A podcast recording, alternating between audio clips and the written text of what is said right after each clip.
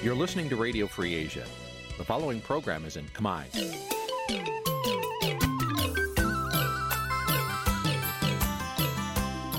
នេះជាកម្មវិធីផ្សាយ Vuthu Azizi Serai នេះជាកម្មវិធីផ្សាយរបស់ Vuthu Azizi Serai ជាភាសាខ្មែរ Vuthu Azizi Serai សូមស្វាគមន៍លោកអ្នកនាងទាំងអស់ពីរដ្ឋធានី Washington នៃសហរដ្ឋអាមេរិក។ ចាប់ពីរដ្ឋធានី Washington នាងខ្ញុំម៉ៃសុធានីសូមជម្រាបសួរលោកអ្នកស្ដាប់ទាំងអស់ជាទីមេត្រីចាយើងខ្ញុំសូមជូនការផ្សាយសម្រាប់ព្រឹកថ្ងៃអាទិត្យ10កើតខែស្រាប ឆ្នាំខាលចត្វាស័កពុទ្ធសករាជ2566ហើយដល់ត្រូវនឹងថ្ងៃទី7ខែសីហាគ្រិស្តសករាជ2022ជាដំបូងនេះសូមអញ្ជើញលោកអ្នកនាងកញ្ញាស្ដាប់ព័ត៌មានប្រចាំថ្ងៃដែលមានមេត្តាដូចតទៅ កិច្ចប្រជុំរដ្ឋមន្ត្រីការបរទេសអាស៊ាន បញ្ចប់ទៅដោយមានបញ្ហាប្រឈមមួយចំនួន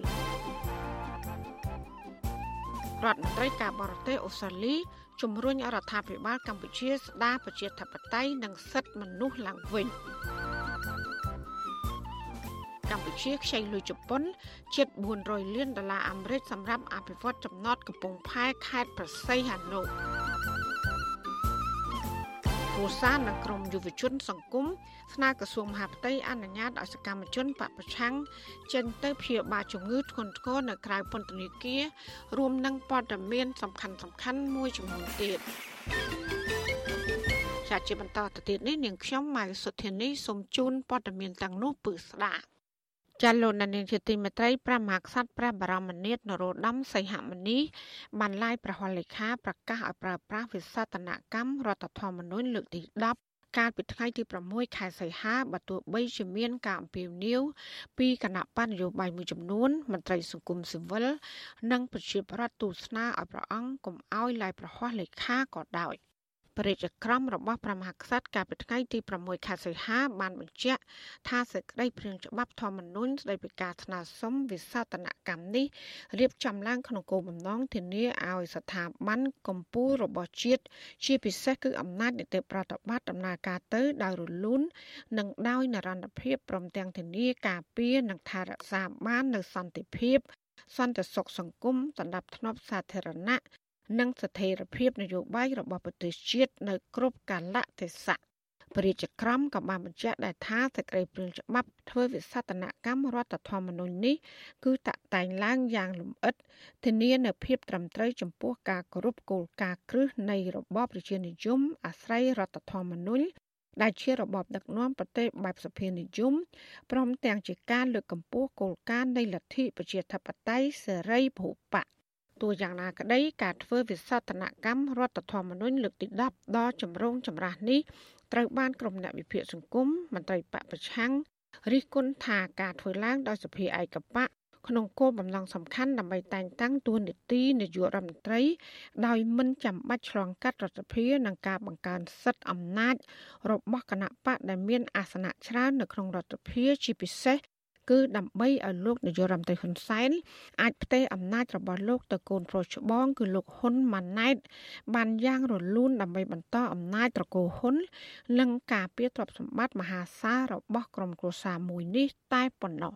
សេចក្តីព្រាងច្បាប់ធម្មនុញ្ញស្តីពីការស្នើសុំវិសោធនកម្មមាត្រាមួយចំនួននេះត្រូវបានរដ្ឋសភាឯកបៈអនុម័តទាំងស្រុងក្រោមសម្លេង105លើ106ក្នុងសម័យប្រជុំពេញអង្គ កាលពីព្រឹកថ្ងៃទី28ខែកក្កដាហើយប្រតិភិក៏បានឯកភាពទាំងស្រុងនៅក្នុងសម័យប្រជុំកាលពីថ្ងៃទី5ខែសីហាឆ្នាំ2022កន្លងទៅនេះចាលោកនាងជាទីមេត្រីក្រោយទៅពីការស្ដាប់ការផ្សាយរបស់វិទ្យុអស៊ីសេរីតាមបណ្ដាញសង្គម Facebook និង YouTube លោកដានៀងកញ្ញាក៏អាចស្ដាប់ការផ្សាយរបស់យើង តាមរយៈរលកធាតុអាកាសខ្លីឬ short wave ដូចតទៅ ចាប់ពីព្រឹកចាប់ពីម៉ោង5កន្លះដល់ម៉ោង6កន្លះគឺតាមរយៈរលកធាតុអាកាសខ្លី12140 kHz ស្មើនឹងកម្ពស់ 25m និង13715 kHz ស្មើនឹងកម្ពស់ 22m ចាសម្រាប់ពេលយប់វិញគឺចាប់ពីម៉ោង7កន្លះដល់ម៉ោង8កន្លះគឺតាមរយៈរលកធាតុអាកាសខ្លី9960 kHz ស្មើនឹងកម្ពស់30ម៉ែត្រ12140 kHz ស្មើនឹងកម្ពស់25ម៉ែត្រហើយនឹង11885 kHz ស្មើនឹងកម្ពស់25ម៉ែត្រចាសសូមអរគុណចាលោកនាយកជាទីមេត្រីកិច្ចប្រជុំរដ្ឋមន្ត្រីការបរទេសអាស៊ានលើកទី55 និងកិច្ចប្រជុំពាក់ព័ន្ធដែលបានប្រព្រឹត្តទៅនៅរាជធានីភ្នំពេញបានបិទបញ្ចប់ហើយកាលពីថ្ងៃទី6ខែសីហាម្សិលមិញក្រសួងការបរទេសកម្ពុជាវិតម្លៃថាព្រឹត្តិការណ៍នេះបានដំណើរការទៅដោយជោគជ័យក៏ប៉ុន្តែអ្នកតាមដានស្ថានភាពនយោបាយវិញ មើលឃើញថាកិច្ចប្រជុំលើកនេះទទួលរងឥទ្ធិពលយ៉ាងខ្លាំងពីបញ្ហាតៃវ៉ាន់និងការឈានពានរបស់រុស្ស៊ីនៅប្រទេសអ៊ុយក្រែនចាលោកយ៉ងច័ន្ទដារារាយការណ៍ពុស្ដាអំពីរឿងនេះ កិច្ចប្រជុំរដ្ឋមន្ត្រីការបរទេសអាស៊ានលើកទី55និងកិច្ចប្រជុំពាក់ព័ន្ធបានបិទបញ្ចប់ទៅជាមួយនឹងលទ្ធផលនិងបញ្ហាប្រឈមមួយចំនួនលទ្ធផលនោះគឺការសម្រេចបាននូវសេចក្តីថ្លែងការណ៍រួមនិងលិខិតបទដ្ឋានមួយចំនួនទាក់ទងទៅនឹងបញ្ហាតំបន់និងអន្តរជាតិចំណែកឯបញ្ហាប្រឈមមួយចំនួននោះវិញគឺការជជែកគ្នាយ៉ាងក្តៅគគុកតាក់ទងទៅនឹងវិបត្តិនយោបាយអន្តរជាតិដែលកំពុងកើតមាននាពេលបច្ចុប្បន្ននេះ នេះបើយោងតាមការអះអាងរបស់លោកប្រាក់សុខុនរដ្ឋមន្ត្រីការបរទេសកម្ពុជា និងជាប្រេសិតពិសេសរបស់ប្រធានអាស៊ានស្ដីពីមីយ៉ាន់ម៉ាកិច្ចប្រជុំរដ្ឋមន្ត្រីការបរទេសអាស៊ានកាលពីថ្ងៃទី3សីហាសម្រាប់បាននៅសេចក្តីថ្លែងការណ៍រួមមួយដែលមានកម្រាស់29ទំព័រសេចក្តីថ្លែងការណ៍រួមនោះគូបញ្ជាក់ជាថ្មីទៀតអំពីការបដិញ្ញាចិត្តរបស់អាស៊ាននៅក្នុងការដោះស្រាយបញ្ហាប្រឈមរួមគ្នា និងរក្សាសន្ទុះនៃកិច្ចខិតខំប្រឹងប្រែងដើម្បីកសាងសហគមន៍អាស៊ាន ឈរលើស្មារតីរួមគ្នាដ៏រឹងមាំសេចក្តីថ្លែងការណ៍រួមឲ្យដឹងទៀតថារ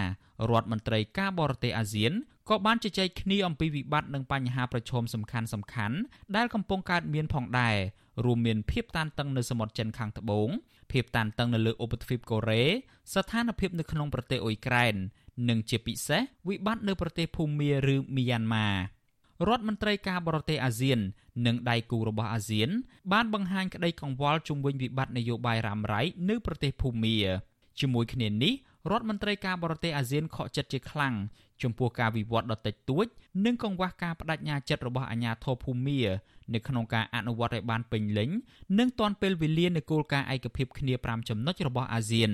ជាពិសេសអាស៊ានខកចិត្តជាខ្លាំងចំពោះការប្រហារជីវិតសកម្មជនបកប្រឆាំងចំនួន4នាក់ដោយអាជ្ញាធរភូមាក្រុមរដ្ឋមន្ត្រីការបរទេសអាស៊ានមូលមតិគ្នាថាប្រេសិតពិសេសរបស់ប្រធានអាស៊ានស្ដីពីមីយ៉ាន់ម៉ាត្រូវភ្ជាប់ទំនាក់ទំនងជាមួយភាគីពាក់ព័ន្ធទាំងអស់របស់មីយ៉ាន់ម៉ាឲ្យបានឆាប់បំផុតរដ្ឋមន្ត្រីការបរទេសកម្ពុជានិងជាប្រេសិតពិសេសរបស់ប្រធានអាស៊ានស្ដីពីមីយ៉ាន់ម៉ាលោកប្រាក់សុខុន មានប្រសាសន៍នៅក្នុងសន្និសីទសារព័ត៌មានកាលពីថ្ងៃទី6សីហាថាការដោះស្រាយវិបត្តិនយោបាយនៅប្រទេសភូមានេះគឺជារឿងដ៏ពិបាកនិងទាមទារឲ្យមានការចូលរួមពីគ្រប់ភាគីពាក់ព័ន្ធលោកបញ្ជាក់ថាអាស៊ានបន្តទទូចដល់អាជ្ញាធរមីយ៉ាន់ម៉ាឲ្យគោរពនិងអនុវត្តឲ្យបានពេញលេញនៅគោលការណ៍ឯកភាព5ចំណុចរបស់អាស៊ាន There was deep disappointment with the recent development in Myanmar, especially with the execution of the four opposition activists រឿងដ៏គួរឲ្យខកចិត្តតាក់ទងនឹងការអនុវត្តចុងក្រោយនៅប្រទេសភូមា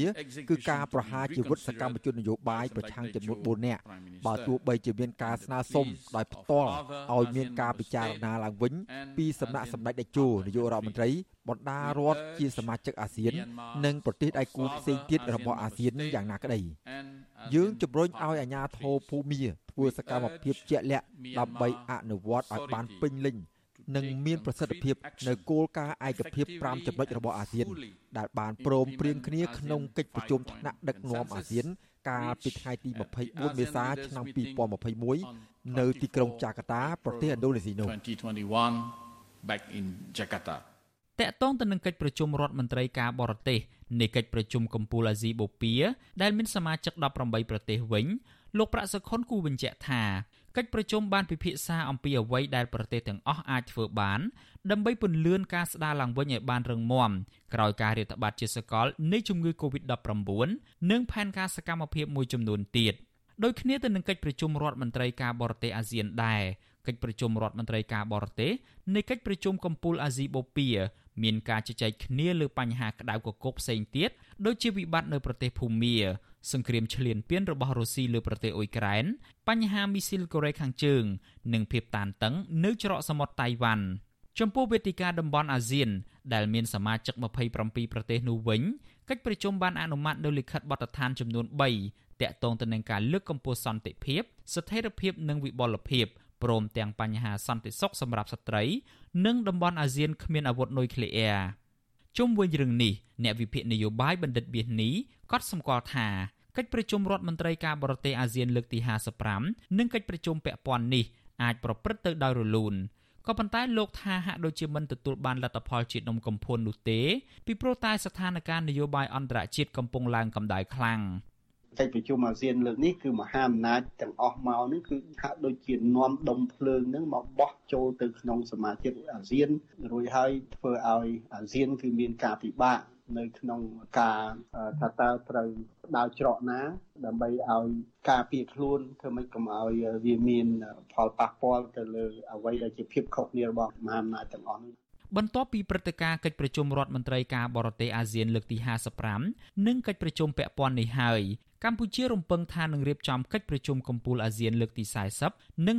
41ចាប់ពីថ្ងៃទី10ដល់ទី13ខែវិច្ឆិកាខាងមុខនេះ របៀបវារៈសំខាន់មួយនៅពេលខាងមុខនោះគឺកិច្ចប្រជុំកំពូលពិសេសអាស៊ានអាមេរិកលើកទី10ដែលជាវេទិកាសំខាន់ដើម្បីពង្រឹងបន្ថែមទៀតនៅទំនាក់ទំនងរវាងភាគីទាំងពីរឈានទៅសម្រេចឲ្យបានគោលដៅភាពជាដៃគូយុទ្ធសាស្ត្រគ្រប់ជ្រុងជ្រោយអាស៊ានអាមេរិកខ្ញុំយ៉ងច័ន្ទដារាវិទ្យុអាស៊ីសេរីរាយការណ៍ពីរដ្ឋធានី Washington ចាលោកនាយកទីមេត្រីរដ្ឋមន្ត្រីការបរទេសអូស្ត្រាលីបានជួបប្រធានគណៈបក្សសង្គ្រោះជាតិលោកកឹមសុខានិងបង្ហាញពីការតាំងចិត្ត ជំរុញរដ្ឋាភិបាលកម្ពុជាស្ដារប្រជាធិបតេយ្យការគោរពសិទ្ធិមនុស្សនិងនីតិរដ្ឋឡើងវិញអ្នកវិភាគនយោបាយលើកឡើងថាប៉ះសិនបរដ្ឋាភិបាលកម្ពុជា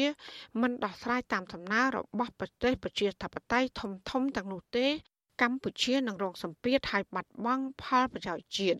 ចាលោកថាថៃមានសកម្មភាពអំពីរឿងនេះដូចតទៅ ក្រៅពីបញ្ហាក្នុងតំបន់និងអន្តរជាតិនោះបញ្ហានយោបាយប្រជាធិបតេយ្យសិទ្ធិមនុស្សនិងសិទ្ធិសេរីភាពនយោបាយរបស់មេបកប្រឆាំងនៅកម្ពុជា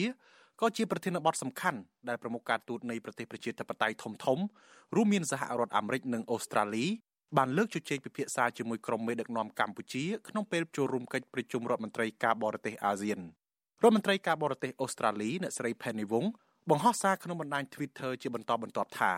អ្នកស្រីបានជួបពិភាក្សាជាមួយលោកនាយករដ្ឋមន្ត្រីហ៊ុនសែនកូនប្រុសរបស់លោកគឺលោកហ៊ុនម៉ាណែតនិងរដ្ឋមន្ត្រីការបរទេសកម្ពុជាលោកប្រាក់សុខុនលើប្រធានបទជាច្រើនរួមមានបញ្ហាស្ថិរភាពក្នុងតំបន់ការស្ដារសេដ្ឋកិច្ចឡើងវិញព្រមទាំងបញ្ហាសិទ្ធិមនុស្សជាដើមក្រៅពីនេះអ្នកស្រីបានបង្ហោះរូបភាពជួបជាមួយប្រធានគណៈបកសង្គ្រោះជាតិលោកកឹមសុខាអមដោយសំណេរថាអ្នកស្រីផ្ដល់តម្លៃខ្ពស់ក្នុងឱកាសជួបជាមួយមេបកប្រឆាំងរូបនេះ។ អ្នកស្រីបន្តថាអូស្ត្រាលីនៅតែបន្តតស៊ូមតិឥតឈប់ឈរដើម្បីឲ្យកម្ពុជាមានលទ្ធិប្រជាធិបតេយ្យការគោរពសិទ្ធិមនុស្សនិងនីតិរដ្ឋលោកកឹមសុខាក៏បានបង្ហោះសារលើ Facebook ថាអ្វីត្បិតតែអ្នកស្រី Penny Wong ជារដ្ឋមន្ត្រីការបរទេសថ្មីរបស់អូស្ត្រាលីក្តីក៏អ្នកស្រីតែងចាប់អារម្មណ៍និងផ្ដល់តម្លៃចំពោះការលើកស្ទួយសិទ្ធិមនុស្សនិងលទ្ធិប្រជាធិបតេយ្យនៅក្នុងតំបន់ក៏ដូចជានៅកម្ពុជាជាពិសេសលោកកឹមសុខាត្រេកអរដែលអ្នកស្រីឆ្លៀតពេលមមាញឹកជួបពិភាក្សាការងារជាមួយលោក វិទ្យុអាស៊ីសេរីមិនអាចសុំការបញ្ជាក់បន្ថែមពីមេធាវីការពីក្តីលោកកឹមសខាបានទេនៅថ្ងៃទី6ខែសីហាទាក់ទងករណីនេះតំណាងរាស្ត្រអូស្ត្រាលីដើមកំណត់ខ្មែរលោកតាក់មិញហៀងលើកឡើងថាអូស្ត្រាលីនៅតែចាត់ទុកប្រទេសកម្ពុជានិងប្រជាជនកម្ពុជាជាមិត្តលោកបន្តថាចំពោះជំនួបរវាងអ្នកស្រីនិងលោកកឹមសខានោះមានន័យទូលំទូលាយនឹងឆ្លុះបញ្ចាំងថារដ្ឋាភិបាលអូស្ត្រាលី នឹងនៅតែបន្តជំរុញឲ្យរដ្ឋាភិបាលកម្ពុជាស្ដារលទ្ធិប្រជាធិបតេយ្យការគោរពសិទ្ធិមនុស្សពិតប្រាកដឡើងវិញដើម្បីផលប្រយោជន៍ជាតិនិងប្រជាជនកម្ពុជាយូរអង្វែង។ ខ្ញុំយល់ថាប្រទេសកម្ពុជារាជរដ្ឋាភិបាលបច្ចុប្បន្ននេះនឹងមិនអាចមិនយកចិត្តទុកដាក់ចំពោះការទៀមទាហើយនឹងការលើកឡើងរបស់ប្រទេសអូស្ត្រាលីហើយនឹងបណ្ដាប្រទេសផ្សេងផ្សេងនៅក្នុងការស្ដារប្រជាធិបតេយ្យបើកលំហឲ្យមានប្រជាធិបតេយ្យពិតប្រាកដហើយនឹងគោរពនៅសិទ្ធិមនុស្សគោរពទៅដល់ខាងបណ្ដាញសារព័ត៌មានឯករាជ្យហើយនឹងអង្គការ NGO ផ្សេងផ្សេងខ្ញុំជឿថាត្រូវតែមានការយកចិត្តទុកដាក់ជាបន្ទាន់ពីព្រោះថានៅក្នុងប្រទេសអូស្ត្រាលីដោយដែលលោកលើកឡើងអំបញ្ញមិញគឺកំពុងតែមានការយកចិត្តទុកដាក់ជាងមុនចំពោះបណ្ដាញចំពោះវត្តមានរបស់ខាង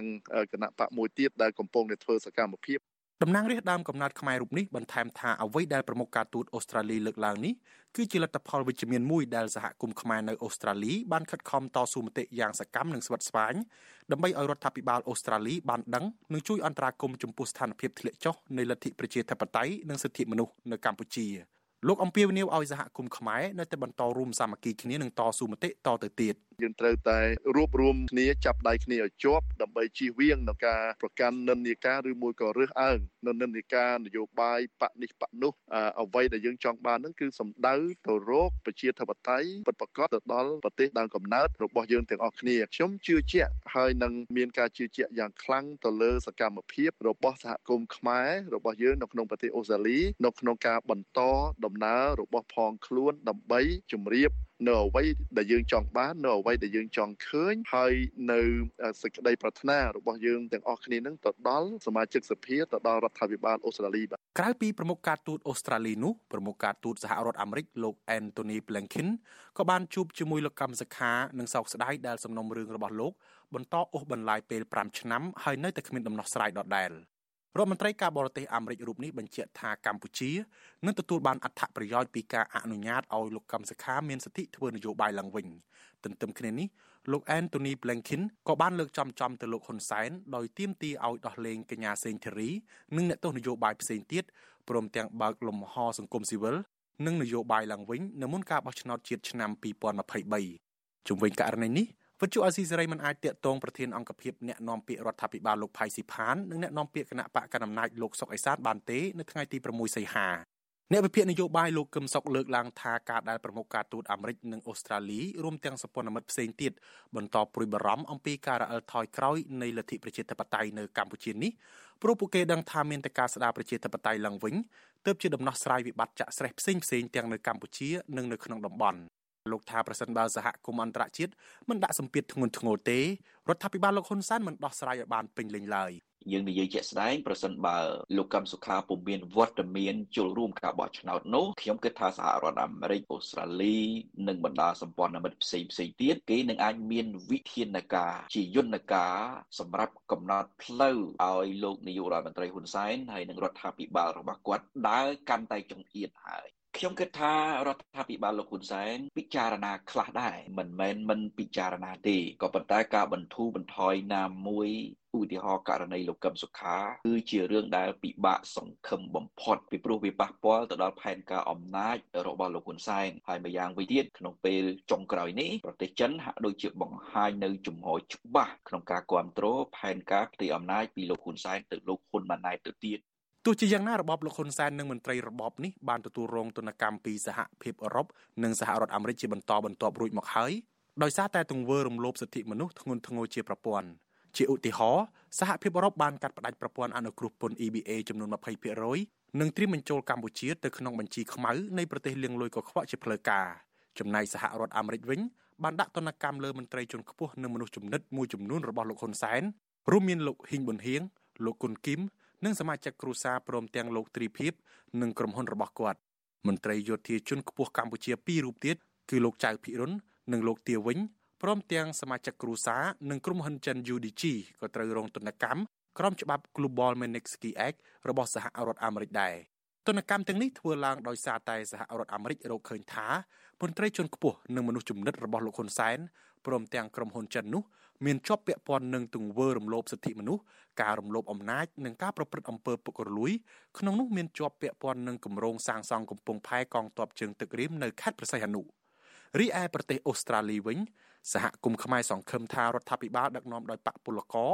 នឹងប្រើប្រាស់ច្បាប់ Magnitsky Act ដាក់ទណ្ឌកម្មលើក្រុមមេដឹកនាំរបបក្រុងភ្នំពេញជាក់លាក់ដែរដោយអ្វីដែលខ្លួនធ្លាប់បានទៀមទាទៅរដ្ឋាភិបាលចំនួនមុនក្នុងពេលនៅជាបកប្រឆាំង ខ្ញុំថាថៃពីទីក្រុងមែលប៊ន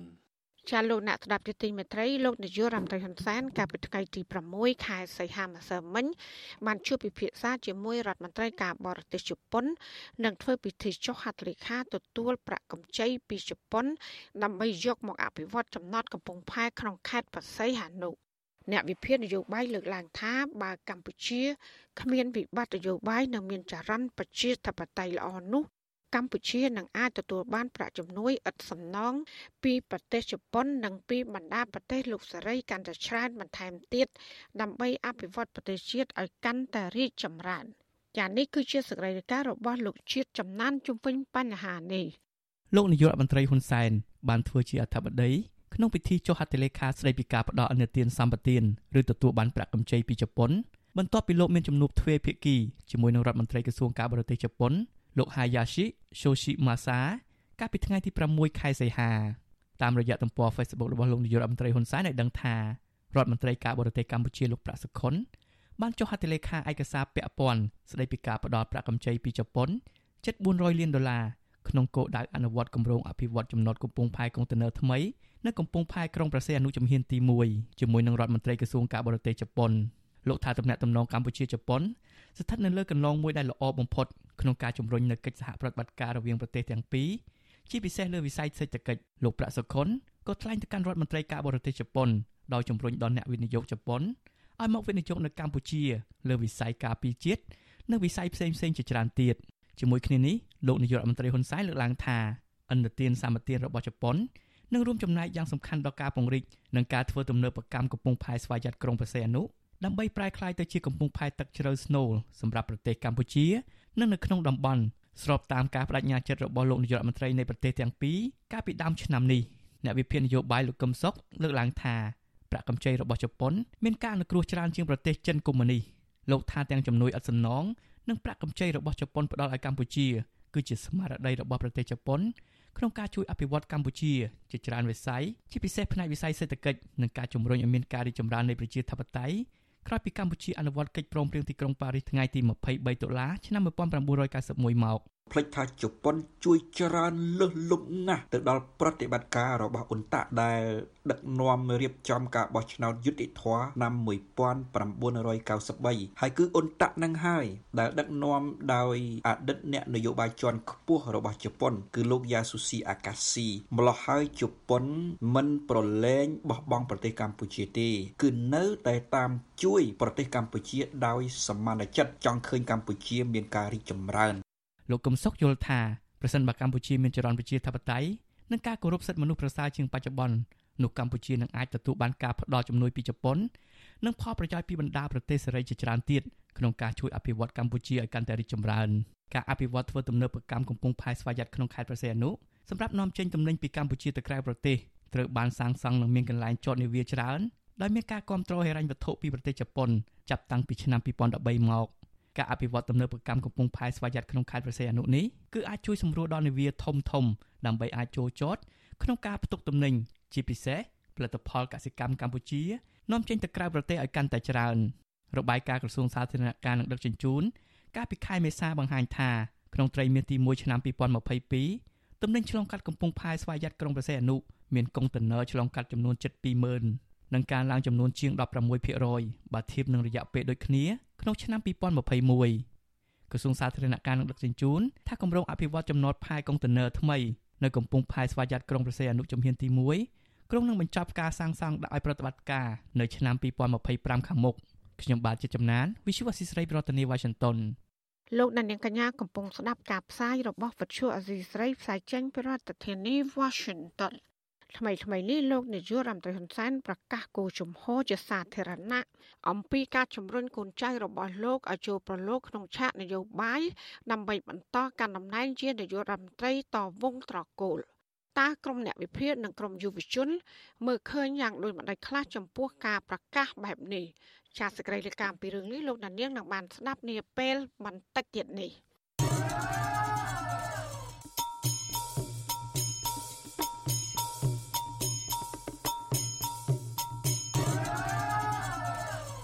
ចាលោកនានីជាទីមេត្រីរដ្ឋមន្ត្រីការបរទេសសង្ហបុរី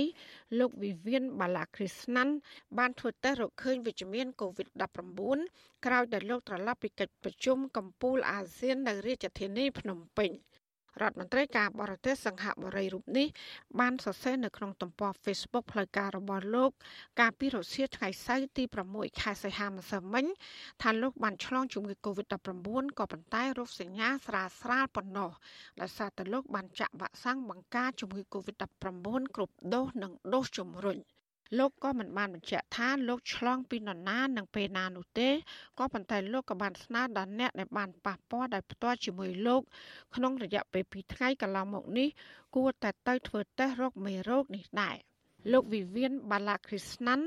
បានស្នាក់នៅក្នុងទីក្រុងភ្នំពេញចាប់ពីថ្ងៃទី2ដល់ថ្ងៃទី5ខែសីហាដើម្បីចូលរួមកិច្ចប្រជុំរដ្ឋមន្ត្រីការបរទេសអាស៊ានលើកទី55និងកិច្ចប្រជុំពាក់ព័ន្ធមួយចំនួនទៀតព្រមទាំងបានចូលរួមក្នុងជំនួបដាច់ដライទ្វេភាគីជាមួយរដ្ឋមន្ត្រីការបរទេសអាមេរិកចិនរុស្ស៊ីនិងជប៉ុនផងដែរ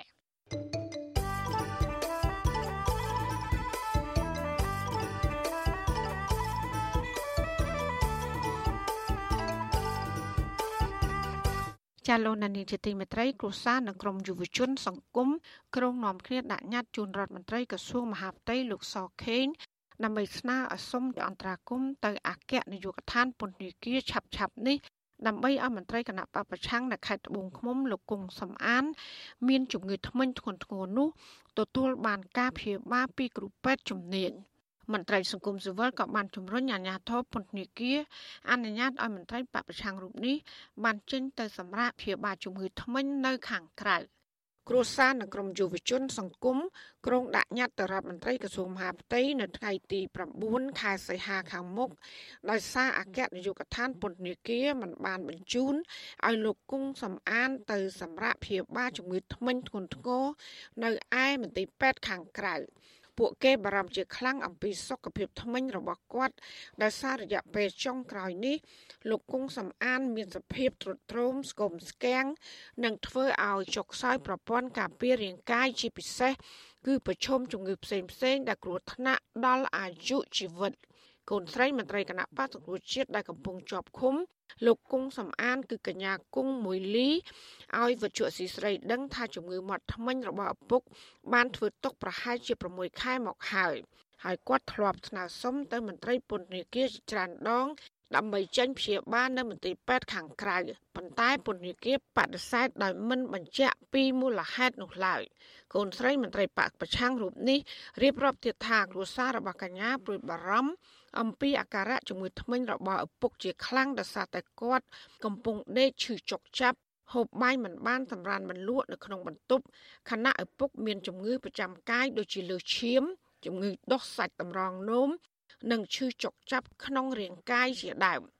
ខ្ញុំព្រួយបារម្ភណាស់ព្រោះជំងឺគាត់ច្រើនមុខហើយសំខាន់ជាងគេគឺថ្មិញតែម្ដងខ្ញុំសូមអំពាវនាវហើយអំពាវនាវទៀតសូមឲ្យជួយដោះស្រាយបញ្ហាគាត់ឈឺឲ្យគាត់ចេញមកព្យាបាលជំងឺហើយសូមមើលថែរក្សាគាត់ឲ្យបានល្អផងពីព្រោះគាត់ចាស់ហើយមិនដឹងជាយ៉ាងម៉េចយ៉ាងម៉ាទេនៅក្នុងពន្ធនាគារនោះពិបាកនឹងរស់នៅណាស់ហើយមានជំងឺទៀតគ្រួសារនាងខ្ញុំទទួលយកអត់បានទេ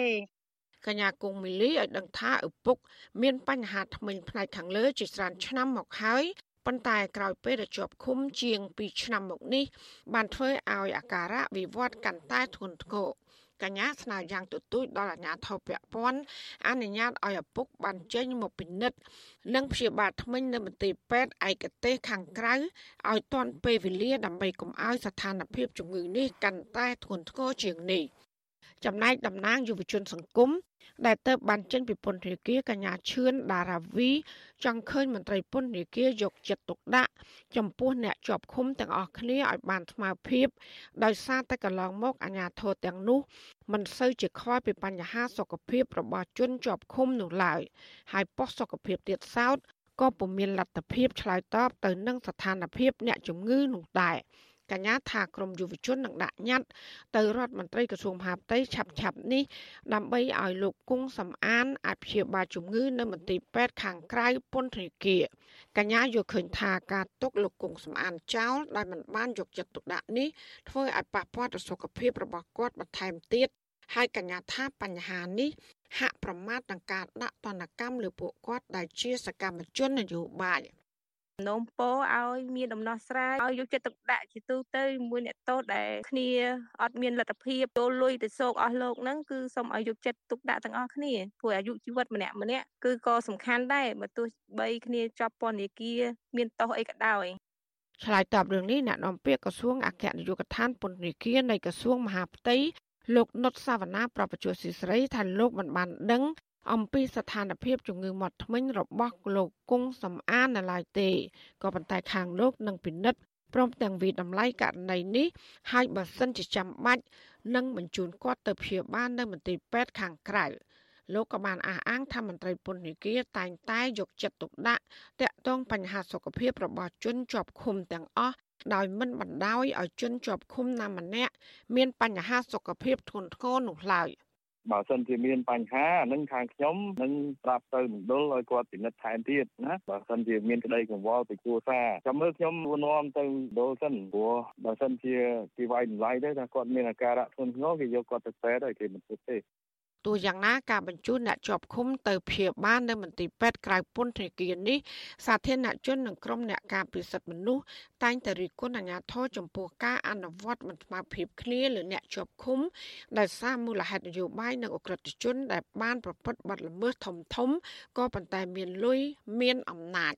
ចំណុចមិនស្មើភាពគ្នាទាំងនោះ គឺពួកក្រតជនខ្លះទោះបីត្រូវតឡាការផ្ដន្ទាទោសដាក់ពន្ធនាគារពីបទឃាតកម្មឬជួញដូរគ្រឿងញៀនត្រង់ទ្រេធំក៏ដោយនោះក៏ពួកគេមិនបានជាប់ឃុំ ក្នុងពន្ធនាគារតាមអំណាចសាលក្រមរបស់តឡាការនោះដែរ ជាឧទាហរណ៍អង្គការថោងសារ៉ាត់ដែលត្រូវបានតឡាការក្រុងភ្នំពេញផ្ដន្ទាទោសដាក់ពន្ធនាគារអស់មួយជីវិត ក្នុងរឿងបាញ់សម្លាប់អង្គការអឹងមេងជឺកាលពីឆ្នាំ2015នោះគឺបានជាប់ឃុំក្នុងពន្ធនាគារមិនដល់មួយសប្តាហ៍ផងរួចក៏ត្រូវបានបញ្ជូនមកថ្នាក់នៅក្នុងបន្ទប់ VIP នៅក្នុងមន្ទីរពេទ្យខាងក្រៅពន្ធនាគារវិញរហូតទាល់តែសាលាឧទ្ធរ សម្រាប់ដោះលែងឲ្យនៅក្រៅឃុំកាលពីខែវិច្ឆិកាឆ្នាំ2019រីឯបងប្រុសបង្កើតរបស់លោកគិតមេងគឺលោកគិតធៀងវិញតឡាការក្រុងភ្នំពេញក៏បានកាត់ទោសឲ្យជាប់ពន្ធនាគារ4ឆ្នាំក្នុងករណីជួញដូរគ្រឿងញៀនជិត50គីឡូក្រាមក៏ប៉ុន្តែលោកជាប់ឃុំប្រមាណកន្លះខែក៏ត្រូវបានគេបញ្ជូនឲ្យទៅស្នាក់នៅក្នុងបន្ទប់ VIP នៅមន្ទីរពេទ្យខាងក្រៅពន្ធនាគារនេះដែររហូតដល់តាសាឡាតូ កាត់តម្រឹមទោសត្រឹម2ឆ្នាំ ហើយក៏បានដោះលែងនៅឆ្នាំ2021អង្គការទាំងពីរអាចរស់នៅក្រៅពន្ធនាគារបានយូរតាមចិត្តចង់ដោយសារតែហេតុផលសុខភាពនេះឯងនាយកទទួលបន្ទុកកិច្ចការទូតនៃអង្គការសិទ្ធិមនុស្សលីកាដូលោកអំសំអាតមានប្រសាសន៍ថាជនជាប់ឃុំបាត់បង់សេរីភាពដែរហើក៏ប៉ុន្តែពួកគេមានសិទ្ធិទទួលបានការថែទាំនិងព្យាបាលជំងឺដូចជាបរិបទដតីទៀតដែរ លោកយល់ថាអាញាធរពន្ធនាគារគួរតែអនុញ្ញាតឲ្យលោកគង់សំអាន បានទៅពិនិត្យព្យាបាលនៅមន្ទីរពេទ្យខាងក្រៅដោយសារនៅក្នុងពន្ធនាគារมันមានគ្រូពេទ្យឯកទេសផ្នែកថ្មីនោះឡើយ ជំងឺការឈឺធ្មេញរបស់គាត់នឹងត្រូវបញ្ជូនអានឹងត្រូវទៅបញ្ជូនហើយបើទុកទៅវាមានបញ្ហាសុខភាពអានឹងវាជាការរំលោភទៅលើសិទ្ធិរបស់គាត់ទោះយ៉ាងណាក៏ដោយការស្នើសុំរបស់ក្រុមគ្រួសារវាត្រូវតែមានចម្លើយឲ្យទៅឬក៏មិនឲ្យទៅអានឹងវាត្រូវតែឆ្លើយតបបើសិនជាមិនបញ្ជូនត្រូវមានមូលហេតុសមរម្យដើម្បីឲ្យក្រុមគ្រួសារនឹងបានដឹងដើម្បីកុំឲ្យគាត់បារម្ភ លោកគង់សំអានអាយុ70ឆ្នាំគឺជាអតីតគ្រូបង្រៀននិងជាសមាជិកក្រុមប្រឹក្សាស្រុកមេមត់នៃគណៈបកសង្គ្រោះជាតិលោកត្រូវបានអាជ្ញាធរចាប់ខ្លួន កាលពីដើមខែកញ្ញាឆ្នាំ2020តឡាការខេត្តត្បូងឃ្មុំបានផ្ដន្ទាទោសលោកឲ្យជាប់ពន្ធនាគារ7ឆ្នាំពីបទរួមគំនិតក្បត់ដែលសារតែលោកបានគ្រប់គ្រងនយោបាយរបស់ថ្នាក់ដឹកនាំបពប្រឆាំងហើយនឹងការហូបនំបញ្ចុកជុំគ្នាជាមួយនឹងសមាជិកដទៃទៀត នៃគណៈបក្សប្រជាជាតិជាពិសេសលោកបានគ្រប់គ្រងដំណើរវិលត្រឡប់ចូលស្រុកវិញ របស់លោកសំរងស៊ីកាលពីខែវិច្ឆិកាឆ្នាំ2019ថ្មីថ្មីនេះតឡាការកំពូលតម្កល់សេចក្តីសម្រេចរបស់តឡាការជាន់ក្រោមតែបានកាត់ទោសឲ្យលោកគង់សំអានជាប់ពន្ធនាគារ7ឆ្នាំដដែល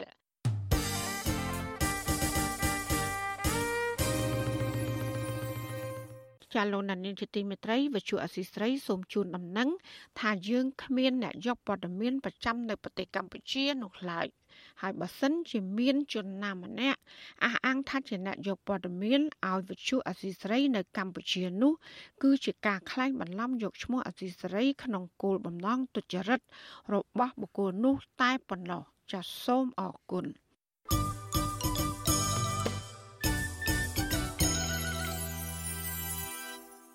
លោកនានីជាទីមេត្រីនៅខេត្តកំពង់ធំឯនោះវិញគណៈបកភ្លើងទៀននិងអង្គការក្រៅរដ្ឋាភិបាលប្រតិកម្មទៅនឹងអភិបាលខេត្តនេះដែលមិនបានបែងចែកបន្ទប់ធ្វើការភារកិច្ចការងារនិងឯកសណ្ឋានសម្រាប់មន្ត្រីឃុំ ដែលមកពីគណៈបកភ្លើងទៀនពួកគាត់យល់ឃើញថានៅពេលដែលមន្ត្រីរាជការពុំមានកន្លែងធ្វើការត្រឹមត្រូវនោះ វានឹងប៉ះពាល់ដល់ការបម្រើសេវាសាធារណៈជូនប្រជាពលរដ្ឋ ចាអ្នកស្រីសុជីវីរាយការណ៍ព័ត៌មាននេះមន្ត្រីគណៈបកភ្លើងទៀននិងសង្គមស៊ីវិលចាត់ទុកការដែលរដ្ឋបាលខេត្តកំពង់ធំមិនបានបែងចែកសម្ភារៈសម្រាប់បំពេញការងារដល់មន្ត្រីឃុំជាប់ឆ្នោតមកពីគណៈបកភ្លើងទៀនគឺជាទង្វើផ្ទុយពីអនុក្រឹត្យស្ដីពីឯកសន្តានការងារនិងសញ្ញាសាក់សម្រាប់សម្គាល់មេឃុំ ចៅសង្កាត់ជំទប់ចៅសង្កាត់រង និងសមាជិកក្រុមប្រឹក្សាឃុំសង្កាត់នឹងអាចថាជាការមើលងាយដល់សម្លេងឆ្នោតរបស់ប្រជាពលរដ្ឋ ដែលបានបោះឆ្នោតឲ្យគណៈបកភ្លើងទៀននាពេលកន្លងមកប្រធានក្រុមការងារគណៈបកភ្លើងទៀនប្រចាំខេត្តកំពង់ធំលោកស៊ុនចន្ទធីប្រាប់វិទ្យុអាស៊ីសេរីនៅរសៀលថ្ងៃទី6ខែសីហាថាតាំងពីមានការបែងចែកអាសនៈក្រុមប្រឹក្សាឃុំសង្កាត់ជាផ្លូវការជាង1ខែមកហើយនេះសមាជិករបស់គណៈបកភ្លើងទៀនដែលជាប់ឆ្នោតនៅក្នុងឃុំទាំង44នៅក្នុងខេត្តកំពង់ធំ នៅមិនទាន់មានបន្ទប់ធ្វើការ និងឯកសន្តានឲ្យបានសមរម្យនៅឡើយទេ លោកបន្តថាគណៈបកភ្លើងទៀនបានដាក់សំណើទៅផ្នែករដ្ឋបាលខេត្តកំពង់ធំ កាលពីថ្ងៃទី4ខែសីហាដើម្បីសុំអន្តរាគមន៍ពីថ្នាក់ខេត្តតែនៅមិនទាន់ទទួលបានការឆ្លើយតបនៅឡើយដែរលោកបន្ថែមថាមន្ត្រីឃុំសង្កាត់ខាងគណៈបកប្រជាជនកម្ពុជា គឺគេមានសម្ភារៈគ្រប់គ្រាន់សម្រាប់ធ្វើការមិនខ្វះខាតអ្វីឡើយលោកយល់ថាពេលដែលមន្ត្រីថ្នាក់លើចាត់ចែងកន្លែងការងារភារកិច្ចការងារ និងឯកសន្តានសម្រាប់មន្ត្រីឃុំមិនស្មើភាពគ្នា ហាក់ដូចជាមិនអោយតម្លៃមន្ត្រីរាជការដែលពលរដ្ឋបានបោះឆ្នោតឲ្យនិងអាចថាជាការរើសអើងលំអៀងទៅគណៈបកកាន់អំណាចជ្រុលពេក គាត់មិនបានយកចិត្តទុកដាក់ថាក្រុមប្រឹក្សានឹងជាប់ឆ្នោតផ្លូវការឬការបោះឆ្នោតទេអញ្ចឹងហើយបានគាត់មិនខ្វាយខ្វល់ប្រគល់កន្លែងធ្វើការងារឲ្យបានត្រឹមត្រូវដូចមានកំណត់នៅក្នុងច្បាប់ប្រគល់ឯកសន្តានឲ្យបានត្រឹមត្រូវដូចមានកំណត់នៅក្នុងច្បាប់ទេតែដោយឡែកសម្រាប់មន្ត្រីក្រុមប្រឹក្សាឃុំជាប់ឆ្នោតទាំងទាំងអស់មកពីគណៈបកកម្ពុជាគឺគឺមានលក្ខណៈសម្បត្តិគ្រប់គ្រាន់ស្របទៅនឹងច្បាប់កំណត់អញ្ចឹងបានយើងសន្និដ្ឋានថាចំណុច2ទី1ជាការរើសអើងផ្នែកនយោបាយទី1ទី2ជាការមាក់ងាយទៅដល់ម្ចាស់ឆ្នោតតែម្ដងបាទវិទ្យុអាស៊ីសេរីមិនអាចតាក់ទងសុំការស្រាយបំភ្លឺជុំវិញរឿងនេះពីអភិបាលខេត្តកំពង់ធំ លោកងួនរតនាបានទេ នៅថ្ងៃទី6ខែសីហាដោយទូរស័ព្ទហៅចូល តែពុំមានអ្នកទទួលពាក់ព័ន្ធរឿងនេះអ្នកនាំពាក្យសមាគមការពារសិទ្ធិមនុស្សអាត6លោកសឹងសានករណាលើកឡើងថាករណីមន្ត្រីថ្នាក់លើបែងចែកកន្លែងសម្រាប់ធ្វើការងារនិងឯកសន្តានមិនបានត្រឹមត្រូវទៅដល់មន្ត្រីឃុំសង្កាត់ អាចធ្វើឲ្យរអាក់រអួលដល់ការបំពេញតម្រូវការជូនពលរដ្ឋនិងឆ្លុះបញ្ចាំងឲ្យឃើញថាថ្នាក់ខេត្តមិនបានគោរពទៅតាមនីតិវិធីដែលបានចេញជាធរមាន ដោយក្រសួងមហាផ្ទៃលោកយល់ឃើញថាអាជ្ញាធរឃុំសង្កាត់គួរតែរួបរวมគ្នាដើម្បីបម្រើសេវាកម្មជូនពលរដ្ឋឲ្យមានភាពកក់ក្ដៅមិនត្រូវបែងចែកបពពួកនៅក្នុងស្ថាប័នរដ្ឋទេជៀសវាងជះឥទ្ធិពលអាក្រក់ដល់សង្គមនិងមិនបានបំពេញកាតព្វកិច្ចបម្រើពលរដ្ឋឲ្យបានល្អ ប៉ះពាល់ទៅដល់បញ្ហាដល់ការរស់នៅរបស់ពួកគាត់អីជាដើមអញ្ចឹងវា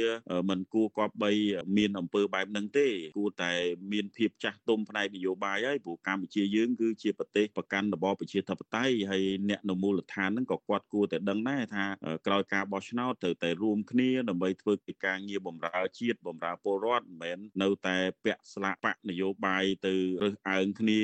មិនជួយសម្របសម្រួលការងារគ្នាបែបហ្នឹងទេបាទ ប្រធានក្រុមការងារគណៈបកភ្លើងទៀនប្រចាំខេត្តកំពង់ធំលោកស៊ុនចន្ទធី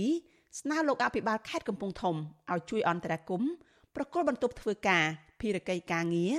និងឯកសន្តានឲ្យទៅជំទប់ទី1ជំទប់ទី2និងសមាជិកក្រុមប្រឹក្សាឃុំសង្កាត់ដែលមកពីគណៈបកភ្លើងទៀន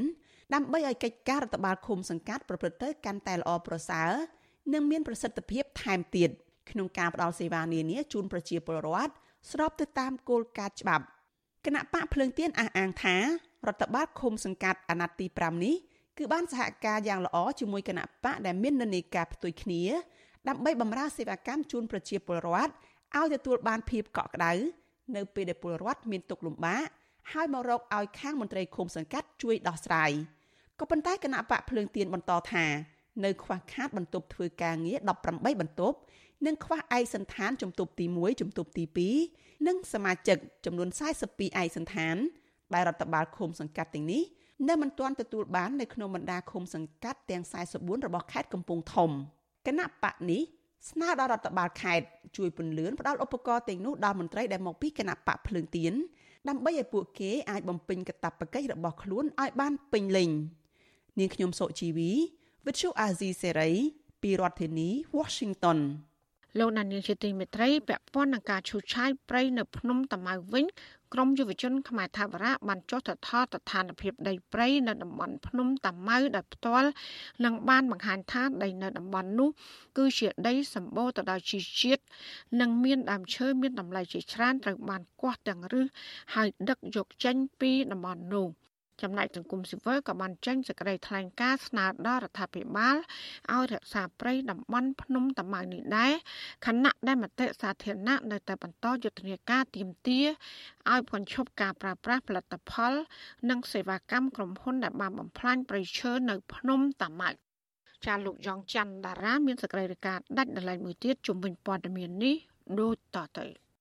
ក្រមយុវជនខ្មែរថាវរៈរួមមានអ្នកនាងឈឿនដារាវី និងលោកវងតារានៅថ្ងៃទី6ខែសីហា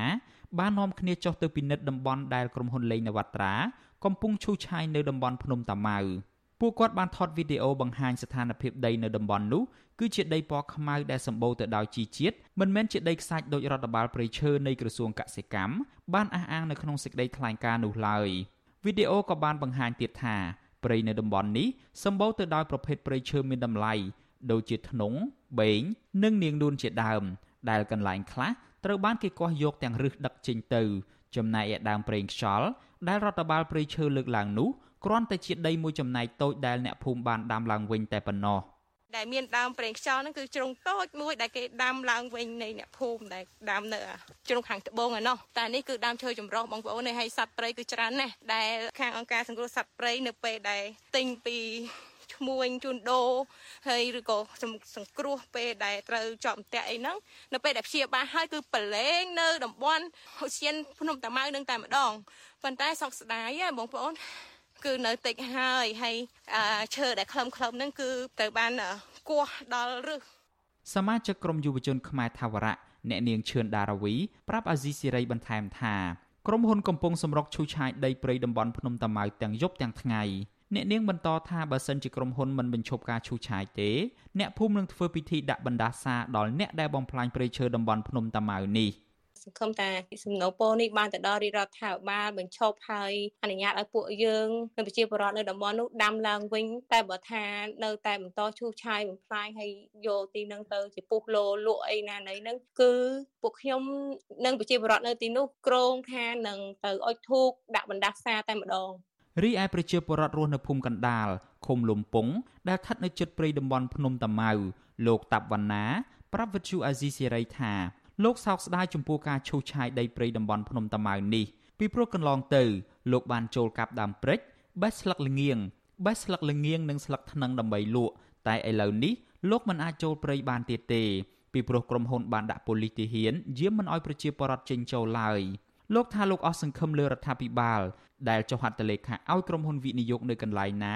គឺកន្លែងនោះរលាយគ្មានសល់ជាមួយគ្នានេះលោកស្នើសុំឲ្យព្រះមហាក្សត្រ ជួយអន្តរាគមន៍រក្សាព្រៃនៅតំបន់ភ្នំតាម៉ៅនេះផងសូមជំនុំពរឲ្យព្រះមហាក្សត្រនឹងជួយជួយអន្តរាគមន៍ដើម្បីកុំឲ្យព្រៃភ្នំតាម៉ៅនឹងមានការឈូសឆាយបន្តទៀតតែបើខាងរដ្ឋាភិបាលខ្ញុំមានជាជំនុំពរទេព្រោះខាងរដ្ឋាភិបាលអ្នកសញ្ញេហ្នឹងសញ្ញេឲ្យបន្តិចព្រៃណាមួយបន្តិចបានទាំងស្រុងទាំងស្រុងតែម្ដងហ្នឹងហើយខ្ញុំអត់ជឿចិត្តលើរដ្ឋាភិបាលហ្មងនិយាយរួមមក ឆ្លើយតបទៅនឹងការឈូសឆាយដីព្រៃតំបន់ភ្នំតាម៉ៅនេះអភិបាលខេត្តតាកែវលោកអ៊ូចភាបានឆ្លើយតបលើបណ្ដាញសង្គម Facebook ថាបញ្ហាដីព្រៃឈើនិងសួនសត្វភ្នំតាម៉ៅមិនស្ថិតនៅក្រោមការគ្រប់គ្រងរបស់រដ្ឋបាលខេត្តតាកែវនោះទេគឺស្ថិតនៅក្រោមការគ្រប់គ្រងដោយផ្ទាល់របស់រដ្ឋបាលព្រៃឈើនៃក្រសួងកសិកម្មលោកប្រាប់ឲ្យប្រជាពលរដ្ឋដែលចង់ដឹងការពិតទៅពិនិត្យមើលសួនសត្វភ្នំតាម៉ៅទៅវិញថាតើគេឈូសឆាយឬគេកំពុងរក្សាការពារ ជុំវិញរឿងនេះដែរសមាគមអភិវឌ្ឍជីវភាពពលរដ្ឋកម្ពុជា នៅថ្ងៃទី6សីហា បានចេញសេចក្តីថ្លែងការណ៍មួយបង្ហាញពីក្តីបារម្ភនិងសោកស្ដាយចំពោះការឈូសឆាយកាប់បំផ្លាញព្រៃឈើក្នុងឧទ្យានសួនសត្វភ្នំតាម៉ៅដែលធ្វើឲ្យប៉ះពាល់ដល់ការរស់នៅរបស់ប្រជាពលរដ្ឋអាស្រ័យផលពីព្រៃឈើតំបន់នេះហើយស្នើសុំឲ្យមានកិច្ចអន្តរាគមន៍ពីរដ្ឋាភិបាលដើម្បីរក្សាព្រៃឈើតំបន់នេះឲ្យគង់វង្សដើម្បីអភិរក្សសត្វព្រៃកម្រនិងជិតផុតពូជទុកឲ្យមនុស្សចំនួនក្រោយបានស្គាល់ ប្រធានសមាគមអភិវឌ្ឍជីវភាពបរដ្ឋកម្ពុជា លោកព្រំប៊ុនឋាន ប្រាប់អាស៊ីសេរីថាការស្នើសុំរបស់សមាគមនិងប្រជាពលរដ្ឋកន្លងទៅមិនមែនសំដៅតែដី និងព្រៃក្នុងសួនសត្វភ្នំតាម៉ៅ400ហិកតានោះទេប៉ុន្តែគឺសំដៅដល់ដីតំបន់ឧទ្យានសួនសត្វនិងមជ្ឈមណ្ឌលសង្គ្រោះសត្វព្រៃភ្នំតាម៉ៅដែលមានទំហំជាង2000ហិកតាទាំងមូល ជួសឆាយទៅវាបំរើតែផលប្រយោជន៍តែក្រុមហ៊ុនក្រុមអង្គការទេតែគឺឲ្យជាប្រវត្តិអ្នកវិពន្ធបានផលប្រយោជន៍ចឹងហើយបើយើងស្នើសុំរដ្ឋាភិបាលពិចារណាឡើងវិញគួរកាប់ដល់ដីសម្បត្តិទៅឲ្យក្រុមហ៊ុនឯកជនវិនិយោគនឹងរដ្ឋាភិបាលលោកហ៊ុនសែនបានរងនឹងការរិះគន់ធ្ងន់ធ្ងរតាក់ទងទៅនឹងការផ្ដាល់ដីមួយភាគធំនៃតំបន់ភ្នំតាម៉ៅទៅឲ្យក្រុមហ៊ុនឯកជនដោយស្ងាត់ស្ងាត់ក្នុងនោះមានក្រុមហ៊ុនសំណង់ PT Moral Group របស់អង្គការខុនសៀ ក្រុមហ៊ុនអចលនទ្រព្យរបស់អង្គការលេងនវត្រានិងក្រុមហ៊ុនមួយចំនួនទៀតសាធារណជន និងអង្គការសង្គមស៊ីវិលមួយចំនួនកំពុងប្រតិកម្មទៅនឹងការឈូសឆាយដីព្រៃតំបន់ភ្នំតាម៉ៅនេះដោយពួកគេថ្កោលទោសនិងធ្វើយុទ្ធនាការលើបណ្ដាញសង្គមដើម្បីប្រឆាំងគម្រោងឈូសឆាយភ្នំតាម៉ៅដោយពហិការឈប់ប្រើ និងគ្រប់គ្រងរាល់ផលិតផល និងសេវាកម្មរបស់ក្រុមហ៊ុនលេងនវត្រា និងក្រុមហ៊ុនខុនសៀ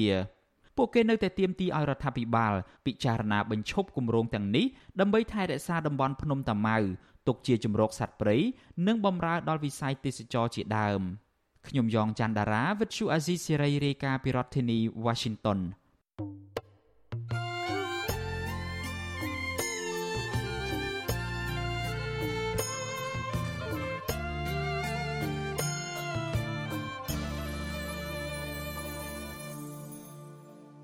ចាលោកនានីជាទីមេត្រីលោកនាយករដ្ឋមន្ត្រីហ៊ុនសែនប្រកាសគោលជំហរជាសាធារណៈអំពីការជំរុញកូនចៅរបស់លោកឲ្យចូលប្រឡូកក្នុងឆាកនយោបាយដើម្បីបន្តកាន់តំណែងជានាយករដ្ឋមន្ត្រីតវងត្រកូល ក្រុមអ្នកវិភាគនិងយុវជន មើលឃើញថាការប្រកាសបែបនេះគឺមានបំណងចង់ឲ្យកូនចៅរបស់លោកបន្តតំណែង ជានាយករដ្ឋមន្ត្រីតជំនាន់ដើម្បីថែរក្សាអំណាច និងទ្រព្យសម្បត្តិគ្រួសារត្រកូលហ៊ុនតែប៉ុណ្ណោះចាលោកលេងម៉ាលីរាយការណ៍ព័ត៌មាននេះថ្លែងក្នុងវេទិកាទទួលសញ្ញាបត្របណ្ឌិតកិត្តិយសផ្នែកអភិវឌ្ឍពីសាកលវិទ្យាល័យភូមិន្ទភ្នំពេញនៅថ្ងៃទី5ខែសីហា លោកហ៊ុនសែនបានលើកឡើងថាកន្លងមកលោកមិនចង់ឲ្យកូនចៅរបស់លោកចូលពាក់ព័ន្ធក្នុងរឿងនយោបាយនោះទេគឺត្រឹមឲ្យចូលបម្រើការងារក្នុងជួរកងទ័ពតែប៉ុណ្ណោះប៉ុន្តែពេលនេះលោកសម្រេចចិត្តជំរុញកូនចៅរបស់លោកឲ្យចូលប្រឡូកក្នុងឆាកនយោបាយរាប់ចាប់តាំងពីចៅប្រុសរបស់លោកដែលទើបបញ្ចប់ឆ្នាំទី1នៅក្នុងថ្នាក់សាកលវិទ្យាល័យលោកមានបំណងចង់ផ្ទេរតំណែងនាយករដ្ឋមន្ត្រីពីកូនរហូតដល់ចៅរបស់លោកខ្ញុំតែងបដៅកូនខ្ញុំឲ្យចូល កុំឲ្យពាក់ព័ន្ធនឹងនយោបាយសុខចិត្តធ្វើរៀនប៉ុន្តែឥឡូវនេះវាហួសពេលហើយខ្ញុំនឹងអំពាវនាវនឹងជំរុញកូនខ្ញុំចៅខ្ញុំឲ្យចូលប្រឡូកក្នុងនយោបាយទាំងអស់យុវជននិងក្រុមអ្នកវិភាគលើកឡើងថាការប្រកាសរបស់លោកហ៊ុនសែនមានចេតនាឲ្យកូនចៅបន្តតំណែងនាយករដ្ឋមន្ត្រីបន្តចំនួននោះវាជាការប៉ះពាល់ធំធេងដល់ប្រទេសជាតិយុវជននិងជាសកម្មជនចលនាមេដាធម្មជាតិលោកលីចន្ទរាវុធយល់ឃើញថា អ្វីត្បិតការគ្រប់គ្រងឲ្យកូនខ្លាយជានាយករដ្ឋមន្ត្រីក្នុងនាមជាឪពុកម្នាក់មើលទៅហាក់មិនមានការទាស់ខុសក៏ប៉ុន្តែលោកនៅតែយល់ឃើញថាលោកហ៊ុនសែនមិនគួរប្រកាសបែបនេះនៅក្នុងវេទិកាសាធារណៈនៅឡើយលោកបន្តថាជំនួសឲ្យការប្រកាសបែបនេះលោកនាយករដ្ឋមន្ត្រីហ៊ុនសែនគួរតែងាកទៅចាប់ផ្ដើមធ្វើកំណែទម្រង់នៅក្នុងប្រព័ន្ធបោះឆ្នោតដើម្បីជំរុញឲ្យមានការជ្រើសរើសមេដឹកនាំដោយស្មើភាព និងជាការពង្រឹងលទ្ធិប្រជាធិបតេយ្យនៅក្នុងប្រទេសផងដែរ លោកបន្ថែមថាការប្រកាសនេះអាចនឹងមានឥទ្ធិពលទៅលើការសម្រេចណាមួយរបស់សភា ស្របពេលកម្ពុជាបានធ្វើវិសោធនកម្មរដ្ឋធម្មនុញ្ញដែលចង់សម្ដៅដល់ការផ្ទេរអំណាចជានាយករដ្ឋមន្ត្រីពីឪពុកទៅកូន។ ការដែលគាត់ប្រកាសគ្រប់គ្រងកូនគាត់នឹងវានឹងធ្វើឲ្យមានអត្តពលទៅក្នុងផ្ទៃក្នុងបកគាត់ផងទៅក្នុងសភាផងដោយសារតែនៅក្នុងប្រទេសយើងអំណាចហ្នឹងបែងចែកមិនដាច់ពីគ្នាតាមខ្ញុំមើលឃើញណានាយករដ្ឋមន្ត្រីដូចជាមានអំណាចខ្លាំងទៅលើរដ្ឋសភាហើយអ្វីដែលនាយករដ្ឋមន្ត្រីនិយាយគឺមិនយូរមិនឆាប់គឺរដ្ឋសភារដ្ឋសភាអីហ្នឹងគឺគេនឹងអនុម័តអីនៅក្នុងពិធីទទួលសញ្ញាបត្រជាមួយនឹងឯកសន្តានបណ្ឌិតលោកហ៊ុនសែនក៏បានលើកឡើងថាការធ្វើវិសោធនកម្មរដ្ឋធម្មនុញ្ញលើកទី10នៅពេលនេះ ពុំបានធ្វើឲ្យបាត់បង់តួនាទីនិងអំណាចរបស់សភានោះទេ លោកការពារថារាជរដ្ឋាភិបាលស្នើធ្វើវិសោធនកម្មរដ្ឋធម្មនុញ្ញគឺដើម្បីបំពេញចន្លោះខ្វះខាតក្នុងលក្ខខណ្ឌនាយករដ្ឋមន្ត្រីស្លាប់ឬលាលែងចេញពីតំណែងមិនមែនជាការរៀបចំឲ្យកូនរបស់លោកបន្តវេនគ្រប់គ្រងអំណាចនោះទេឆ្លើយតបទៅនឹងការលើកឡើងនេះអ្នកវិភាគនយោបាយគឺលោកកឹមសុខចាត់ទុកថាការប្រកាសគាំទ្រលោកហ៊ុនម៉ាណែតឲ្យឡើងជានាយករដ្ឋមន្ត្រី និងការកែប្រែរដ្ឋធម្មនុញ្ញជាការរៀបចំប្លន់អំណាចមិនមែនជាការប្រកួតប្រជែងតំណែងនាយករដ្ឋមន្ត្រីនោះឡើយលោកបន្តថាការប្លន់អំណាចនេះត្រូវបានធ្វើឡើងដោយលោកហ៊ុនសែនតាមរយៈការកែប្រែរដ្ឋធម្មនុញ្ញដើម្បីឲ្យលោកមានឱកាសបានស្នើទៅព្រះមហាក្សត្រចាត់តាំងនាយករដ្ឋមន្ត្រីដោយខ្លួនឯងជាមួយគ្នានេះលោកហ៊ុនសែនព្យាយាមចូលគៀកឲ្យស្និទ្ធជាមួយប្រទេសចិនដើម្បីសុំការគាំទ្រពីមហាអំណាចមួយនេះ ក្នុងការតែងតាំងលោកហ៊ុនម៉ាណែតជានាយករដ្ឋមន្ត្រី។និយាយពីគំនិតចំពោះជាតិកម្ពុជាលោកហ៊ុនសែនគួរត្រូវប្រគល់ជូននៅសញ្ញាបត្រមហាបណ្ឌិតលក់ជាតិហើយបើនិយាយទៅដល់របៀបដឹកនាំក្នុងទឹកដីកម្ពុជាផ្ទាល់លោកហ៊ុនសែនគួរត្រូវប្រគល់ជូននៅសញ្ញាបត្រមហាបណ្ឌិតនីតិមន្តអំណាចផ្ដាច់ការអាជ្ញាទំនើងចិត្តកន្លងមក លោកហ៊ុនសែនធ្លាប់ប្រកាសពីគោលជំហរគ្រប់គ្រងកូនឲ្យបន្តតំណែងពីលោកជាច្រើនលើកមកហើយក្នុងនោះគេឃើញមានមន្ត្រីរបស់លោកនាំគ្នាចេញញត្តិគាំទ្រជាហូហែក្នុងនោះក៏មានស្ថាប័នការពារជាតិនិងស្ថាប័នតុលាការផងដែរទោះជាយ៉ាងណាក្តីអ្នកខ្លំមើលយល់ឃើញថាការប្រកាសរបស់លោកហ៊ុនសែនជាបន្តបន្ទាប់នឹងការកែរដ្ឋធម្មនុញ្ញជាដើមនេះគឺជាការពង្រឹងអំណាចគ្រួសាររបស់លោកដោយសារតែលោកមិនទុកចិត្តផ្ទៃក្នុងនិងមានការបែកបាក់ផ្ទៃក្នុងធ្ងន់ធ្ងរ ស្របពេលជាមួយគ្នានោះ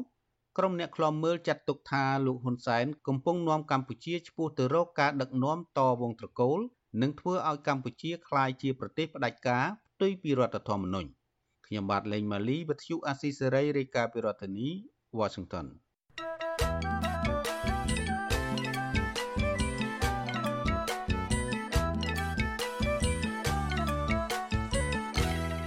ចាលោកនាងកញ្ញាអ្នកស្ដាប់ទទីមេត្រីក្រុមអ្នកខ្លំមើលបរិស្ថាន និងក្រុមស្នូលបណ្ដាញសហគមន៍ការពីបៃឡង់ខេត្តព្រះវិហារចោទមន្ត្រីក្រសួងបរិស្ថានថានៅតែផ្ដល់ឱកាសឲ្យកម្មកររាប់រយនាក់ជួបកាប់ព្រៃឈើក្នុងតំបន់ព្រៃឡង់ដើម្បីលក់ទៅឲ្យក្រុមហ៊ុនឯកជនដដែលដដែលដោយគ្មានការអនុវត្តច្បាប់ក្រុមស្នូលបណ្ដាញសហគមន៍ព្រៃឡង់ខេត្តព្រះវិហារនិងសមាគមបណ្ដាញយុវជនកម្ពុជារកឃើញភ័ស្តុតាងជាថ្មីទៀត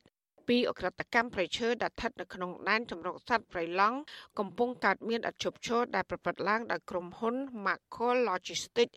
និងក្រុមហ៊ុនវៀតណាម P&T កាលពីថ្ងៃទី1ដល់ថ្ងៃទី3ខែសីហាពជាសហគមន៍ប្រៃឡង់និងអង្គការសង្គមស៊ីវិលដែលមានគ្នា6នាក់បានលបចុះល្បាតនៅតំបន់ប្រៃឡង់ប្រទះឃើញក្រុមកម្មករនិងមេការក្រុមហ៊ុន Macol Logistics ច្រើនអ្នកកំពុងនាំគ្នាកាប់ឈើនិងដឹកជញ្ជូនឈើចេញពីតំបន់ព្រៃអភិរក្សនេះនៅចំណុចមុំ3ឬតំបន់ប្រសពគ្នារវាងខេត្តកំពង់ធំតឹងត្រែងនិងខេត្តព្រះវិហារ ទន្ទឹមនេះក្រុមល្បាតក៏ប្រទះឃើញគោយន្តជាច្រើនគ្រឿងសម្រុកដឹកឈើហូបធំធំ ប្រភេទសុក្រំដួងចែមកគីនិងឈើទាល នៅចំណុចស្រែអាចដែកអូធ្មុងជាំប្រទាល និងត្រពាំងស្មាច់តម្រង់ចូលការដ្ឋានក្រុមហ៊ុនឯកជនទាំងនេះនៅជាប់តំបន់ព្រៃឡង់ស្ថិតក្នុងស្រុករវៀងខេត្តព្រះវិហារ អ្នកសម្រាប់សម្រួលបណ្ដាញសហគមន៍ប្រៃឡង់ខេត្តព្រះវិហារលោកស្រីថៃប្រាប់បច្ចុប្បន្នស៊ីស្រីថាបច្ចុប្បន្នមានត្រាក់ទ័រ6គ្រឿងរទេះក្របី14នឹមនិងគោជន់រាប់សិបគ្រឿងគឺជាមធ្យោបាយដឹកជញ្ជូនឈើធំធំ ចេញពីដែនចម្រុកសត្វប្រៃឡង់មកស្តុកទុក នៅក្នុងដេប៉ូឈើមួយកន្លែងនៅជាប់ប្រៃឡង់ខេត្តព្រះវិហារលោកថាបាត់ល្មើសប្រៃឈើទាំងនេះ កើតមានឡើងច្រើនជាបន្តបន្ទាប់ជាង7ខែមកហើយហើយពួកលោកបានរាយការណ៍ទៅមន្ត្រីបរិស្ថានជាច្រើនលើកក៏ប៉ុន្តែគ្មានបានផលដែរផ្ទុយទៅវិញឆ្មាំអភិរក្សរបស់ក្រសួងបរិស្ថាន បានពង្រាយកម្លាំងយាមល្បាតផ្លូវគ្រប់ច្រកល្ហកចូលព្រៃឡង់ដើម្បីរាំងខ្ទប់មិនអោយប្រជាសហគមន៍ចូលល្បាតព្រៃ។ មន្ត្រីបរិស្ថាននៅក្នុងកន្លែងតំបន់អភិរក្សជនអត់មានយកទៅដាក់បណ្ដោយមានតែបើកដៃឲ្យពួកក្រុមលឿនកាប់បន្តបន្ថែមទៀតអត់ចេះក្បីឡើងលឺមកយូរខ្លាំងដល់14ទៅចេះហើយតែកលេថងផងទៅអាប្រាក់ចូលផងដឹកឈូទៀតទៅទៅទៅរ បាយការណ៍ពជាសហគមន៍ការពីបៃឡង់បង្ហាញថាក្រុមអ្នកដឹកឈើបានប្រើប្រាស់ត្រាក់ទ័រ6គ្រឿងទាញឈើហូបធំធំ មកទម្លាក់ទុកក្នុងដេប៉ូទី1របស់ក្រុមហ៊ុន Macro Logistics ដែលស្ថិតនៅចំណុចភ្នំស្រឡៅនិងចំណុចបោះរាំងឃុំរៀបរយស្រុករវៀងខេត្តព្រះវិហារវិទ្យុអសីស្រីនៅមិនទាន់អាចតកតងសុំការបំភ្លឺរឿងនេះពីអ្នកនាំពាក្យក្រសួងបរិស្ថានលោកណេតភក្ត្រានិងរដ្ឋមន្ត្រីក្រសួងកសិកម្មលោកវេងសខុនបាននៅឡើយទេ នៅថ្ងៃទី5ខែសីហារីឯតំណាងក្រុមហ៊ុនវៀតណាម PNT និងក្រុមហ៊ុន Macol Logistics ក៏វិទ្យុអសីស្រីមិនអាចតកតងសុំការបំភ្លឺរឿងនេះបានដែរនៅថ្ងៃដដែលនេះ។ កន្លងទៅរដ្ឋបាលប្រៃឈើបានបំភ្លឺក្នុងសេចក្តីប្រកាសព័ត៌មាន បង្ហាញថាក្រសួងកសិកម្មបានអនុញ្ញាតឲ្យក្រុមហ៊ុន Macol Logistics ប្រមូលឈើនៅក្នុងអនុតំបន់2 3និងអនុតំបន់4ដែលស្ថិតនៅក្នុងបរិវេណដីសម្បត្តិសេដ្ឋកិច្ចរបស់ក្រុមហ៊ុន PNT ប៉ុន្តែប្រជាសហគមន៍ថាមកដល់ពេលនេះក្នុងបរិវេណដីសម្បត្តិសេដ្ឋកិច្ចរបស់ក្រុមហ៊ុនវៀតណាម PNT ពុំមានដើមឈើធំធំទៀតទេ គឺមានតែព្រៃរិចរិលប៉ុណ្ណោះក្រុមហ៊ុន PNT ទទួលបានដីសម្បត្តិសេដ្ឋកិច្ចពីរដ្ឋាភិបាលទំហំ78,000ហិកតានៅស្រុករវៀងខេត្តព្រះវិហារកាលពីឆ្នាំ2010ក្រោមកិច្ចសន្យារយៈពេល70ឆ្នាំ។ ពជាសហគមន៍អះអាងថាក្រុមហ៊ុនមិនបានដាំដុះតាមកិច្ចសន្យាជាមួយរដ្ឋាភិបាលនោះទេដោយសម្រុកកាប់ឈើនិងធ្វើអាជីវកម្មឈើជាង1ឆ្នាំមកហើយ។ មន្ត្រីសម្រាប់ទទួលគម្រោងនៃសមាគមបណ្ដាញយុវជនកម្ពុជាលោកអូតឡាទីន ដែលបានចុះអង្កេតរឿងនេះមើលឃើញថាក្រសួងបរិស្ថាននៅតែមិនព្រមមានវិធានការច្បាប់ចំពោះជនល្មើសរួមទាំងមន្ត្រីខលខូចដែលខុបខិតគ្នាបំផ្លាញព្រៃអភិរក្សលោកថាក្រសួងសម័យមួយនេះកំពុងបណ្ដាលបណ្ដោយមិនយកចិត្តទុកដាក់ដោះស្រាយបញ្ហានេះធ្វើឲ្យក្រិតកម្មប្រៃឈើនៅតែបន្តកើតមានដដែលដដែលគ្មានទីបញ្ចប់ ពេលដែលអស់ព្រៃឈើតាំងនាំគ្នាទៅស្ដារព្រៃឈើឡើងវិញនាំគ្នាទៅដាំកូនឈើអញ្ចឹងអានឹងគឺជាការប្រព្រឹត្តកំហុសដ៏ធ្ងន់ធ្ងរដែលយើងមានច្បាប់ស្ដីពីតំបន់ការពារធម្មជាតិមានមន្ត្រីរដ្ឋបាលការពារហើយយើងអត់ព្រមធ្វើការអនុវត្តច្បាប់អត់ព្រមធ្វើការដោះស្រាយបញ្ហាកំឡុងពេលដែលបញ្ហានៅកើតមានតូចតាចអានេះវាគឺជាចំណុចមួយដែលខ្ញុំយល់ថាជាការប្រព្រឹត្តកំហុសមួយយ៉ាងធ្ងន់ធ្ងរណាសម្រាប់មន្ត្រីអនុវត្តច្បាប់ ជុំវិញរឿងនេះសកម្មជនការពារប្រៃឡង់លោកហេងស្រស់ចាត់ទុកអក្រកម្មប្រៃឈើទាំងនេះគឺជាចេតនារបស់រដ្ឋាភិបាលនិងក្រសួងបរិស្ថាន ដែលបណ្ដាលបណ្ដោយអាកម្មករក្រុមហ៊ុនកាប់ឈើដោយសេរីលោកថាឆ្មាំអភិរក្សរបស់ក្រសួងបរិស្ថាន និងអាជ្ញាធរខ្លះមានជាប់ពាក់ព័ន្ធខົບខិតគ្នាប្រព្រឹត្តបទល្មើសប្រៃឈើទាំងនេះទៅការអនុវត្តច្បាប់គ្មានប្រសិទ្ធភាព យើងគិតថាបើសិនជារាជរដ្ឋាភិបាលគាត់មានឆន្ទៈពិតប្រាកដយើងជឿជាក់ថារាជរដ្ឋាភិបាលគាត់នឹងប្រក្រាបទៅលើក្រុមអង្គការនិងក្រុមហ៊ុនមួយចំនួនដែលរកស៊ីការកាប់បំផ្លាញព្រៃឈើនៅក្នុងប្រទេសកម្ពុជាក៏ដូចដឹកជញ្ជូនយកទៅលក់នៅខាងក្រៅប្រទេសដោយកាលពីឆ្នាំ2016ចឹងដែរសកម្មជនបរិស្ថានរូបនេះបន្ថែមថាដែនចម្រុកសត្វព្រៃឡង់ក្នុងខេត្តក្រចេះក៏មានបាត់ល្មើសព្រៃឈើកាត់ឡើងយ៉ាងច្រើនសន្ធឹកសន្ធាប់ដូចគ្នានេះដែរ ហើយបច្ចុប្បន្នមានកម្មកររាប់រយនាក់កំពុងពង្រាយពេញព្រៃឡង់ដើម្បីកាប់ផ្ដួលរំលំដើមឈើរាប់រយដើមដឹកលក់ទៅឲ្យក្រុមហ៊ុន Sing Biotech និងក្រុមហ៊ុនអង្គរ Plywood លោកហេងត្រោះសង្កេតឃើញថាពួកលោក បានលុបឆ្មក់ចុះល្បាតដល់រកឃើញជំរំកាប់ឈើ5កន្លែង ដែលគេបានសាងសង់ដើម្បីឲ្យកម្មករសម្រាកហូបអាហារក្នុងដែនចម្រុកសត្វព្រៃឡង់ បច្ចុប្បន្នស៊ីស្រីនៅមិនទាន់អាចតាក់ទងសុំការបំភ្លឺរឿងនេះពីតំណាងក្រុមហ៊ុនទាំងនេះបាននៅឡើយទេ បណ្ដាញក្រុមស្នូលការពីប្រៃឡង់បន្ថែមថាឆ្មាំអភិរក្សរបស់ក្រសួងបរិស្ថាន ដែលរដ្ឋាភិបាលបញ្ជូនឲ្យទៅឈរជើងការពីប្រៃនៅតំបន់ប្រៃឡង់ទាំង4ខេត្តនោះมันបានបំពេញទូនីតិអនុវត្តច្បាប់ប្រៃឈើឲ្យបានត្រឹមត្រូវនោះឡើយហើយបច្ចុប្បន្នបែរជាកាងអាជីវកម្មឈើខុសច្បាប់ របស់ក្រុមហ៊ុនទាំងនេះព្រោះតែផលប្រយោជន៍លើពីនេះមន្ត្រីបរិស្ថានទាំងនោះតែងតែឃ្លាំមើលប្រជាសហគមន៍ មិនឲ្យចុះល្បាតព្រៃដោយលើកហេតុផលថាมันបានសុំច្បាប់អនុញ្ញាតក៏ប៉ុន្តែបើកដៃឲ្យក្រុមហ៊ុនអ្នកកាប់ឈើចូលព្រៃឡង់ដោយសេរី